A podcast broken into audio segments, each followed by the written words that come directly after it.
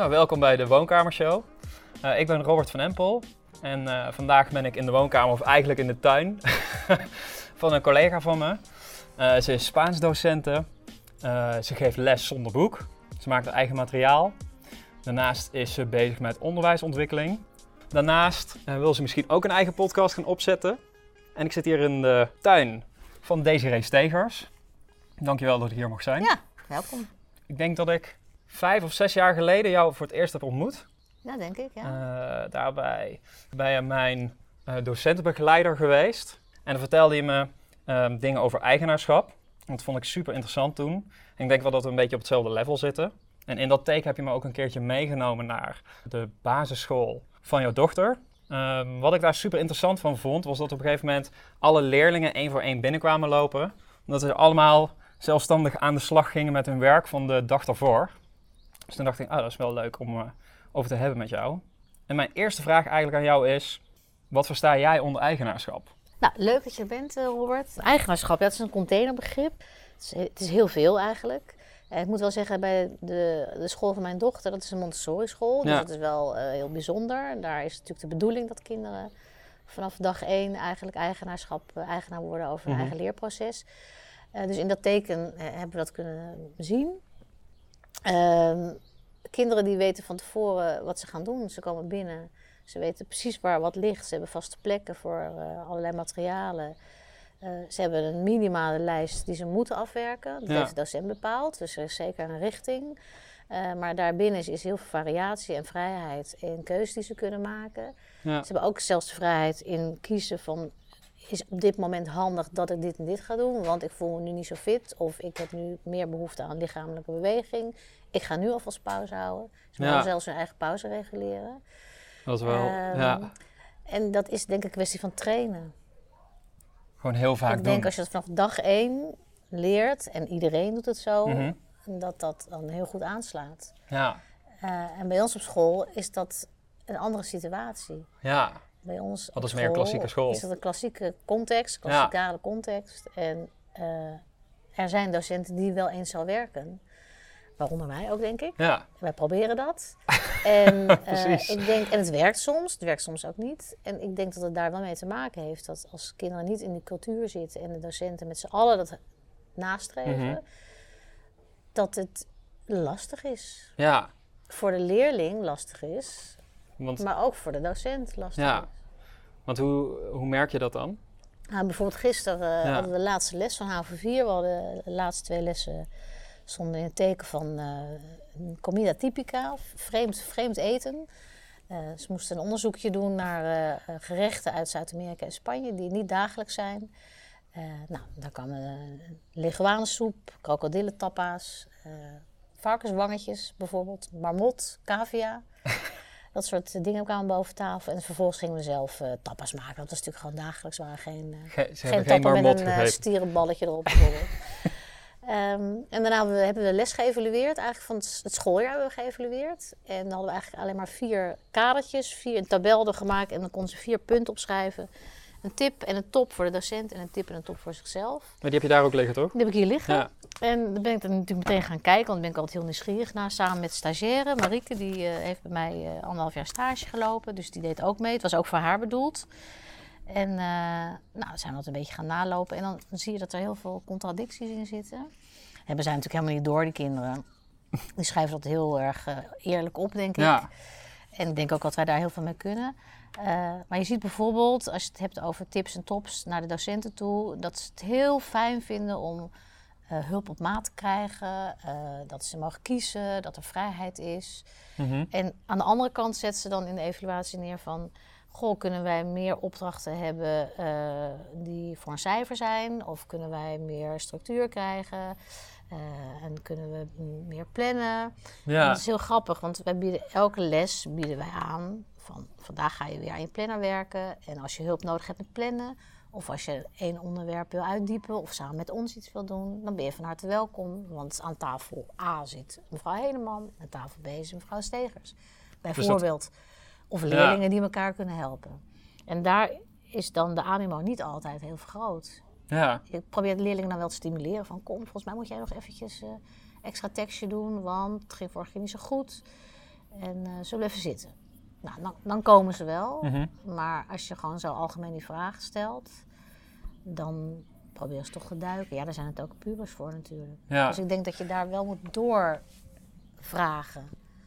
En bij ons op school gebeurt dat natuurlijk niet op grote schaal. En hoe merk je dan echt specifiek dat ze niet gewend zijn om op die manier te werken? Nou, eigenlijk door die tegenstellingen die op de evaluatie nu naar voren komen. Want aan het eind, eh, als ze hand in eigen boezem steken, dan zetten ze bijvoorbeeld wel... eh, misschien moet ik eh, beter leren plannen. En dat is dan eigenlijk de vraag die ze zichzelf stellen. Maar ze zeggen ook bijvoorbeeld, ik heb heel veel vooruitgang geboekt dit jaar. Ja. Ja. Dus eigenlijk moet je deze evaluatie eigenlijk weer met ze nabespreken. Mhm. Om te kijken van, wat kan je nog meer doen? Het is echt een proces waar ze in zitten. Kijk, en ja, wat, wat ik dus doe, ik doe, probeer het ook zoveel mogelijk voor elkaar te krijgen. Maar ik doe het dan weer op een heel andere manier. Denk je dan dat het meer effectief zou kunnen zijn als ik dezelfde manier gebruik? Om het er meer, beter in te laten sluiten?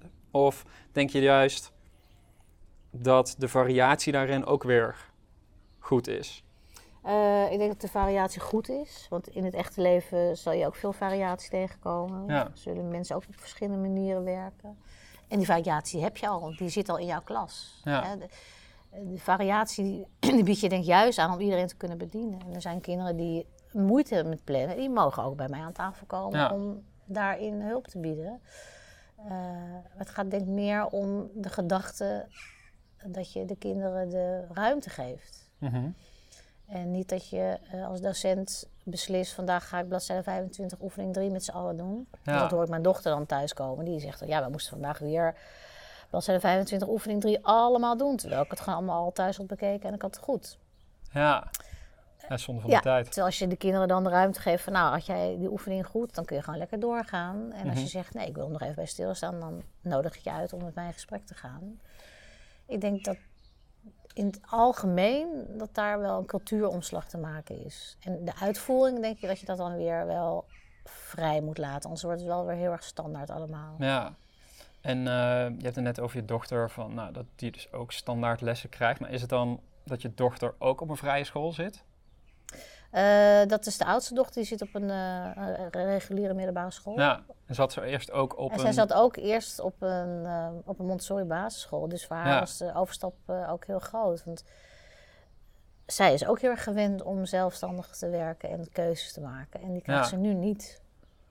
En hoe gaat dat? Lastig. Ja, dat kan ik me Ze voorstellen. vindt school niet leuk. Ja. En dan merk je natuurlijk, lijkt me, in het eerste jaar dat ze dan op de middelbare school komt. Ja. Want dan wordt het volledig weer uit handen Ja, genomen. ja, ik denk dat het niet alleen bij Montessori is, maar ik denk bij heel veel basisscholen dat kinderen wel hebben geleerd redelijk zelfstandig te werken. En dat we dat dan weer te niet doen in de brugklas, door in de, brug Ja. op, in de busopstelling eh, ja, docentgestuurd onderwijs te krijgen. Ja. Veelal. En er zijn natuurlijk heel veel variaties, ik zeg het nu even extreem. Ik denk dat heel veel docenten echt wel bezig zijn om daarnaar te kijken. En, maar het is ook niet makkelijk. Ik Mhm. denk dat het ook heel veel vraagt van docenten. Dat is eigenlijk ook wel mijn conclusie nu best wel veel jaar al bezig geweest hiermee en in de leerlab gezeten. Eh, dat is een, eh, een groep met verschillende scholen waar je eigenlijk met hetzelfde thema aan de slag gaat. Eh, het is veel. Het is ingewikkeld om te, ja. doen. Je moet aan heel veel dingen denken. Het is een omslag en een visie waar je over na moet denken. En je, kan, je kan wel zeggen, ja, ik, eh, oké, we moeten die kinderen meer ruimte geven. Nou, hup, ik gooi die deur open en iedereen naar buiten en je gaat maar aan je planner werken. Ja, daar red je dus niet mee. Ja. Je moet wel als docent dan ook richting geven en per leerling toch in gesprek gaan. Ja. Wat is nou beter voor jou? En motiveren. ja. En stel, je bent een docent en je denkt, nou, ik wil er wel mee beginnen. Dan geef je nu dus eigenlijk aan dat het heel veel werk is. Nou, het is een, eh, een omslag in. in eh, ik denk dat je, met een, dat je met je bestaande materiaal en met je bestaande programma. met een kwikslag al heel veel teweeg kan brengen. Mhm. Om mee te beginnen, als beginnetje. Ja. En dat je van daaruit. Kijk, een docent is ook, zit ook in een proces. Ja. Eh, die moet je denk ik ook de tijd en de ruimte gunnen om dat uit te proberen.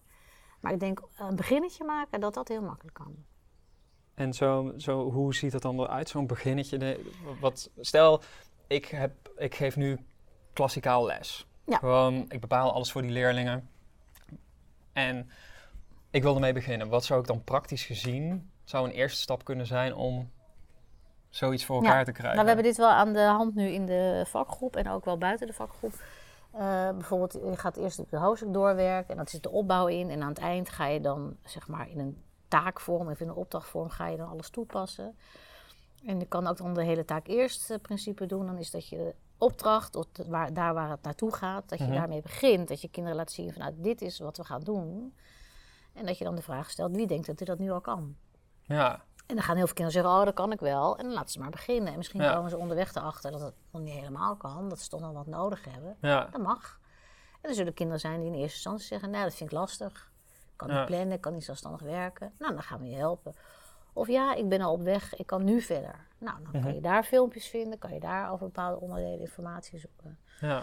Dus dan, ik denk dat dat, dan hoef je je programma niet te veranderen. Alleen je draait het een beetje om. ja, dus je begint met het eind. Ja, ik begin met het Ja. eind. En, eh, en die taak, hè, vaak zijn de taken dan toch wel heel erg eh, gericht op de inhoudelijke kennis die ze moeten eh, weten. Maar als je die denk ik verbindt met betekenisvol leren, dus dat Mhm. de kinderen er wat aan hebben, dat je ook die kwikslag maakt naar, we gaan niet allemaal die taak doen, maar we gaan, ik noem maar even wat, we hebben een eindtaak over Peru in Ja. een hoofdstuk. Nou, je kan dat, die Peru-taak kan je naar voren halen in plaats van aan het eind, maar je kan ook zeggen, we doen Peru, maar je mag ook een ander land kiezen, Oh ja, bijvoorbeeld. Dus dan geef je daar alweer Geef je nog meer Geef je ruimte. nog meer ruimte. ja. Of je neemt een ander Spaanstalig land, of je neemt Spanje, of je neemt een regio uit Spanje. Mhm. Dan kan je daar weer in differentiëren bijvoorbeeld. ja. Dan hebben Ja. kinderen dus andere inhouden nodig. Nou, dan kan jij, daar, daar kom jij dan als docent ook weer eh, in beeld. Want dat, Ja. die stap vinden zij nog moeilijk. Je kunt ze wel richting geven. ja, want dat lijkt me het allermoeilijkste voor een leerling, want die moet dus ineens Ja. zelf gaan bedenken, Precies. dit is wat ik ga onderzoeken. Maar dat kunnen ze nog niet. Nee, Dus je moet die richting, in die vrijheid, die richting... Ja, ze noemen het in Montessori eh, vrijheid in gebondenheid. ja. Eh, het klinkt een beetje suf, vind ik. Maar eh, zo is het wel een beetje. Ja, Je geeft ze ruimte, maar ook richting. En je bent constant in gesprek. En constant daarover aan het praten. Van nou, hè, je hebt dus die regio gekozen of dat land. Waar ga je naar zoeken? ja, Waar eindigt een, eh, een website mee in dat land? Nou, niet met NL. Waar, ja. waar wel dan? Waar dan wel mee? Nou ja, nou, gaan we zoeken. Dus dan heb je dus zo'n hele taak, hè? Dus dan hebben ze dus een soort van eindopdracht waar ze mee beginnen. En dan vervolgens, hoe ziet het dan daarna eruit? Waar beginnen ze dan mee? Nou, de- je kunt, eh, ik zal even een voorbeeld eh, bedenken. Nou, bijvoorbeeld eh, in de HAVO 5 moeten ze een eh, weblog schrijven. Ja. Een, een onderdeel van het schoolexamen. Nou, normaal gesproken ga je dan opbouw doen. Dan ga je eerst schrijfregels. Hoe schrijf je? Grammatica, zinsopbouw. Eh, en nu laat ik gewoon zien, dit gaan jullie maken in zes weken. Een weblog. Zo ziet het eruit. Laat ik voorbeelden zien van vorig jaar. Wie zegt, oh, daar ga ik mee beginnen. Nou, Ja. Er zijn er een paar die ermee gaan beginnen. Die zeggen, dat ga ik doen. Ja, Het kan zijn omdat ze misschien zelf al bloggen. Dus die kennen het principe van bloggen. Het kan zijn omdat ze het leuk vinden om te schrijven. Of dat ze creatief zijn. En anderen hebben zoiets van, ja, waar moet ik het dan over doen? Nou, daar, begint het al. Mhm. die, kunnen dat helemaal niet bedenken. Nou, die ga je daar al in begeleiden. ja, En ik zit dan eh, eh, op eh, Google Classroom zit ik allemaal links naar schrijfvaardigheid. Hoe schrijf je, zinsopbouw, grammatica, herhaling. Maar ook hoe bouw je iets op. mhm. Maar ook informatie over hoe blog je nou en wanneer blog je eigenlijk, waarover. ja. Dat heeft eigenlijk niet iets specifiek te maken met Spaans. Nee, Nee, nee je bent eigenlijk al bezig met, met vaardigheden die ze straks ook gaan gebruiken. Ja. Of nu al gebruiken. Er zijn kinderen die nu al eh, bloggen oh ja. of vloggen. Oh ja, natuurlijk. Ja, die heb je ook. ook. Ja, die heb je ook al. Dus daar sluit je eigenlijk gewoon een beetje op aan. En andere kinderen hebben geen, hebben geen idee. Precies van, wat is dat? Nou, het is eigenlijk gewoon schrijven. Maar het is in een andere vorm. Ja, En dan eh, ben ik nu, dit jaar ga ik dan eh, het veranderen. Voorheen mochten ze nog wel over een hond of zo bloggen. mhm. of over een sport bijvoorbeeld. Maar nu ga ik wel echt meer zitten op wat is bloggen eigenlijk. En eh, dat de onderwerpen zich echt lenen voor bloggen. ja. Bijvoorbeeld, ik ga de komende zes weken ga ik geen vlees eten. Nou, ja precies. ga dat maar bijhouden. Wat Ja, onderwerpen. een beetje sp- ja. echt in de, in- dat je die vaardigheid ook meepakt. Ja, En dat Spaans eigenlijk een middel wordt, ja. in feite. En dan op een gegeven moment hebben ze dan die opdracht hebben ze dan af? Of Ja, is die nooit ze af? mogen, er is een richtlijn van elke zes weken, elke week eh, een post. Mhm. krijgen ze feedback van mij en van een tweede lezer. Eh, en, maar ze kunnen ook zeggen, nou, ik ga gewoon aan het eind van die vijf weken pas mijn hele blog schrijven. Dat mag. En dan ehm, stel de bloggers af. Geef je daar een beoordeling aan? Of Ja, het, is, eh, het, geeft, het moet voldoende zijn. En het geeft toegang eigenlijk tot het examen. ja. Dus het moet voldoende zijn en dan pas kunnen ze het schrijfexamen mogen gaan doen. En wanneer is het voldoende? Ja, daar heb ik een rubriek voor. Daar heb ik eh, wat, eh, wat criteria voor opgesteld. Ja. En het gaat echt van... eh, nou, we, we zetten heel erg op communicatief taalgebruik. Dus het hoeft niet perfect grammaticaal te zijn. Ja. Maar er mag geen spelfout in zitten. Het moet ze kunnen checken. De zinsopbouw moet goed zijn. Er moet, het moet eigen Spaans zijn. Ja. Eh, dus niet van Google Translate of van een tante uit Madrid.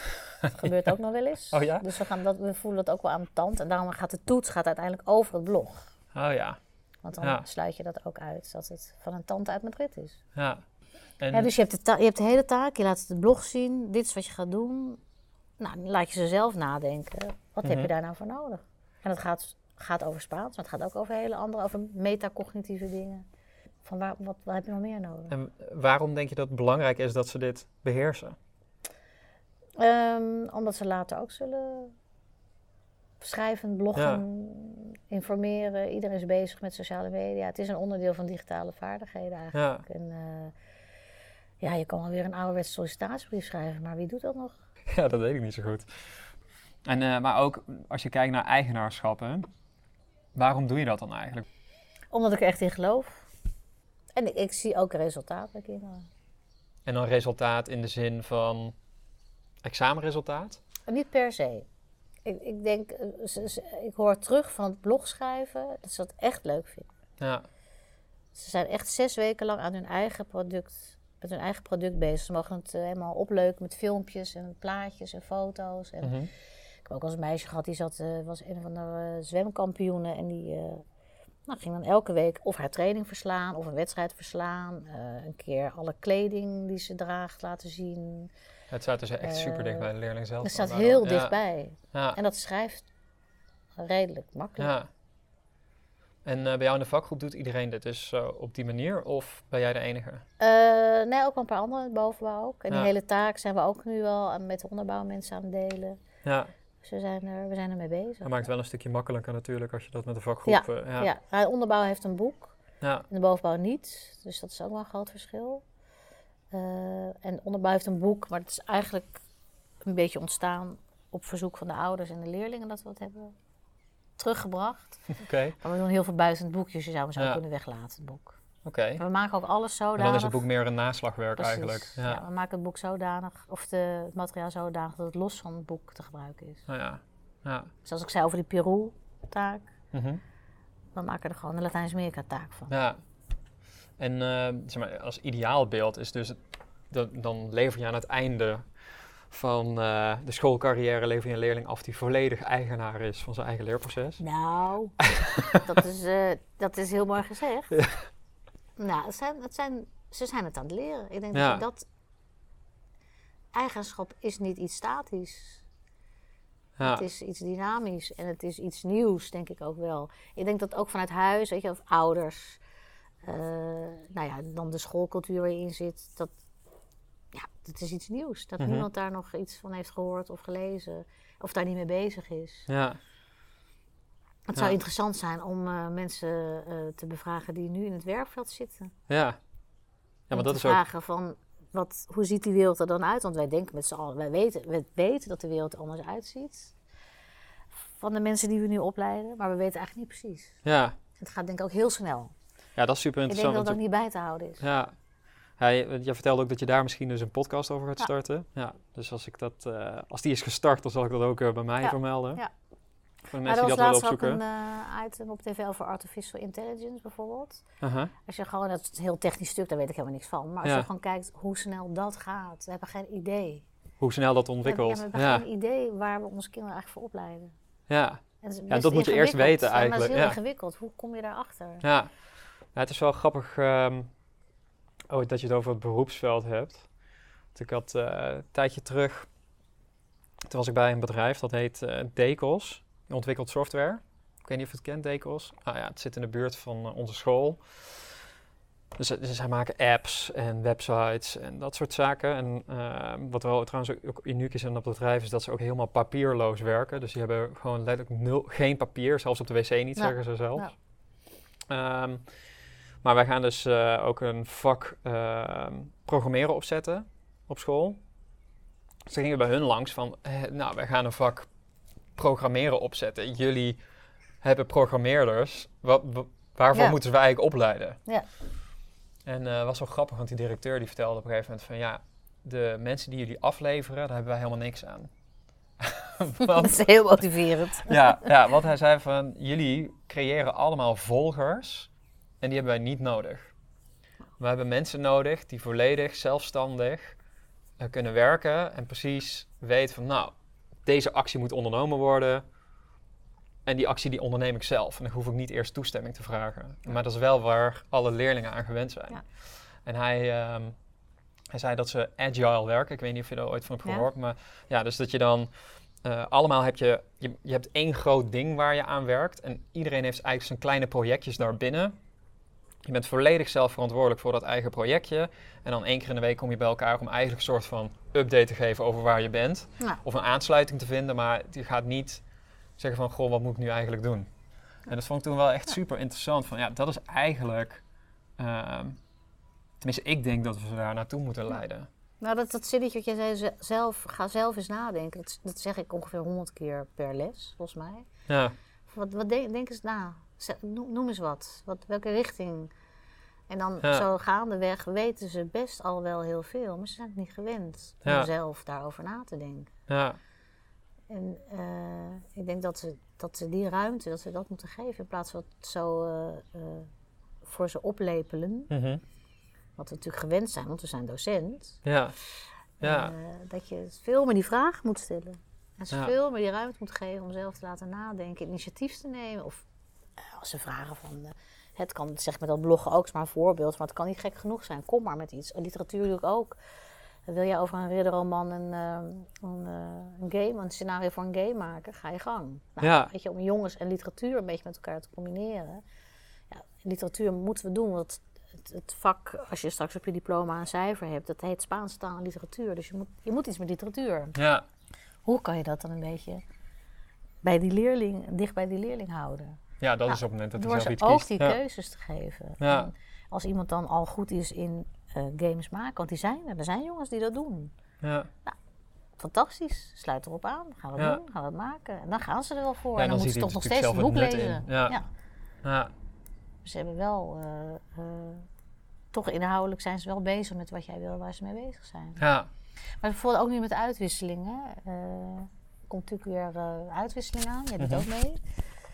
Volgend jaar weer. Ja. En ehm, dan ben ik, ook aan, ben ik ook aan het nadenken over hoe kunnen we die kinderen nog meer eigenaarschap geven. Want we zijn al bezig met Ja. van excursie naar uitwisseling te gaan. Zodat kinderen niet meer achter de vlag van de docent aanlopen Ja. in het buitenland. Maar wat is het verschil tussen een uitwisseling en een excursie? Nou, excursie, dan ga je toch iets meer achter de vlag van de docent aan. Want je hebt Ja. een programma en dat ga je doen. En dat wijkt niet veel af, denk ik, van het programma wat je met je ouders doet als je op vakantie gaat. Ja.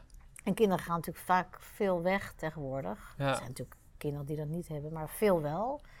Ja, ja, ik had En- een tijdje terug ook iemand, dat was wel grappig, die zei ook van... eh, ja, nu ehm, eh, nemen we kinderen mee op een excursie naar eh, Spanje. Ja. Hè? En dan eh, zitten we in een vliegtuig. En vroeger was het heel bijzonder om in een vliegtuig te zitten, want toen zat nooit iemand in een vliegtuig. En nu zeg ik zo, ja, ik ben al dit jaar al twee keer gevlogen, Ja. dus ja. Ja, heb ik ook wel gehad in Barcelona. En dan zeiden we, kijk hoe mooi, wat leuk.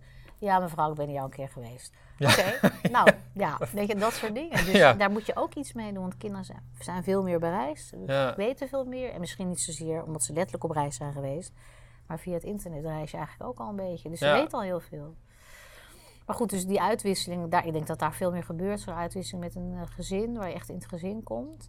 Maar ook zelfs daar kan je kinderen nog weer eigenaarschap geven van, eh, van leren. En ik ben nu bezig met een nieuwe uitwisseling eh, meer thema te geven. En Mhm. hadden we bedacht om eh, meer met green skills te gaan doen. En wat is dat? Green skills heb ik zelf bedacht. Dat zou dan Ah. ook een 21ste eeuwse vaardigheid kunnen zijn Ja. voor kinderen. En ik zie bijvoorbeeld bij ons op school dat er helemaal geen afval wordt gescheiden. Dat er helemaal nog geen aandacht is voor klimaat. Dat er geen aandacht is voor eh, Ja, nou ja, paperless work bijvoorbeeld. Mhm. Er wordt nog steeds ontzettend veel Leeuwenhorsten bossen volgens mij door de kopieermachine heen gehaald. Ja, Heb ik het idee. ja, Dus ik, ik denk dat daar nog heel veel te halen is. En ook qua eigenaarschap. Want ik denk dat kinderen van huis uit misschien ook niet zoveel meekrijgen. Maar hoe zet je ze nou zelf aan het denken daarover? ja, Dus nu hebben we een beetje het plan om dan ehm, eh, kinderen te laten onderzoeken. Hoe zit het in mijn dorp? Hoe zit het in mijn gezin? En, of hoe zit het in mijn school? En hoe zit het in mijn gezin? Wat doen we eigenlijk? En dan de actie bij die leerlingen te leggen. Van ja, we weten Ja. allemaal van het klimaat en we weten van de opwarming. Maar wat doe jij nou eigenlijk in je dagelijks leven? Eh, nou, en dan ze aan, in, als het goed is in de actiemodus te krijgen. Ja. Om daar actief over na te denken en bewust te worden. Eh, en dan heb ik het al, bijvoorbeeld al over scheiden van afval op school. ja. En dat doe je dan in de reguliere les of wil je dat dan specifiek bij die... Nou, heel mooi zou zijn als je dat dan kan uitvergroten naar Ja. de vaklessen. En het zou nog mooier zijn als je dat allemaal in een jaar als thema hebt met alle uitwisselingen. Ja, Dus niet alleen maar naar Spanje, maar ja, jij ook naar je Ja. Sigmaringen Ja. of naar Japan. Natuurlijk, eh, ik weet niet of dat te realiseren is. Dat zou nou helemaal mooi zijn, dat het echt Ja. gaat leven. Maar die kinderen in actie komen. Zijn, je moet ze laten nadenken daarover.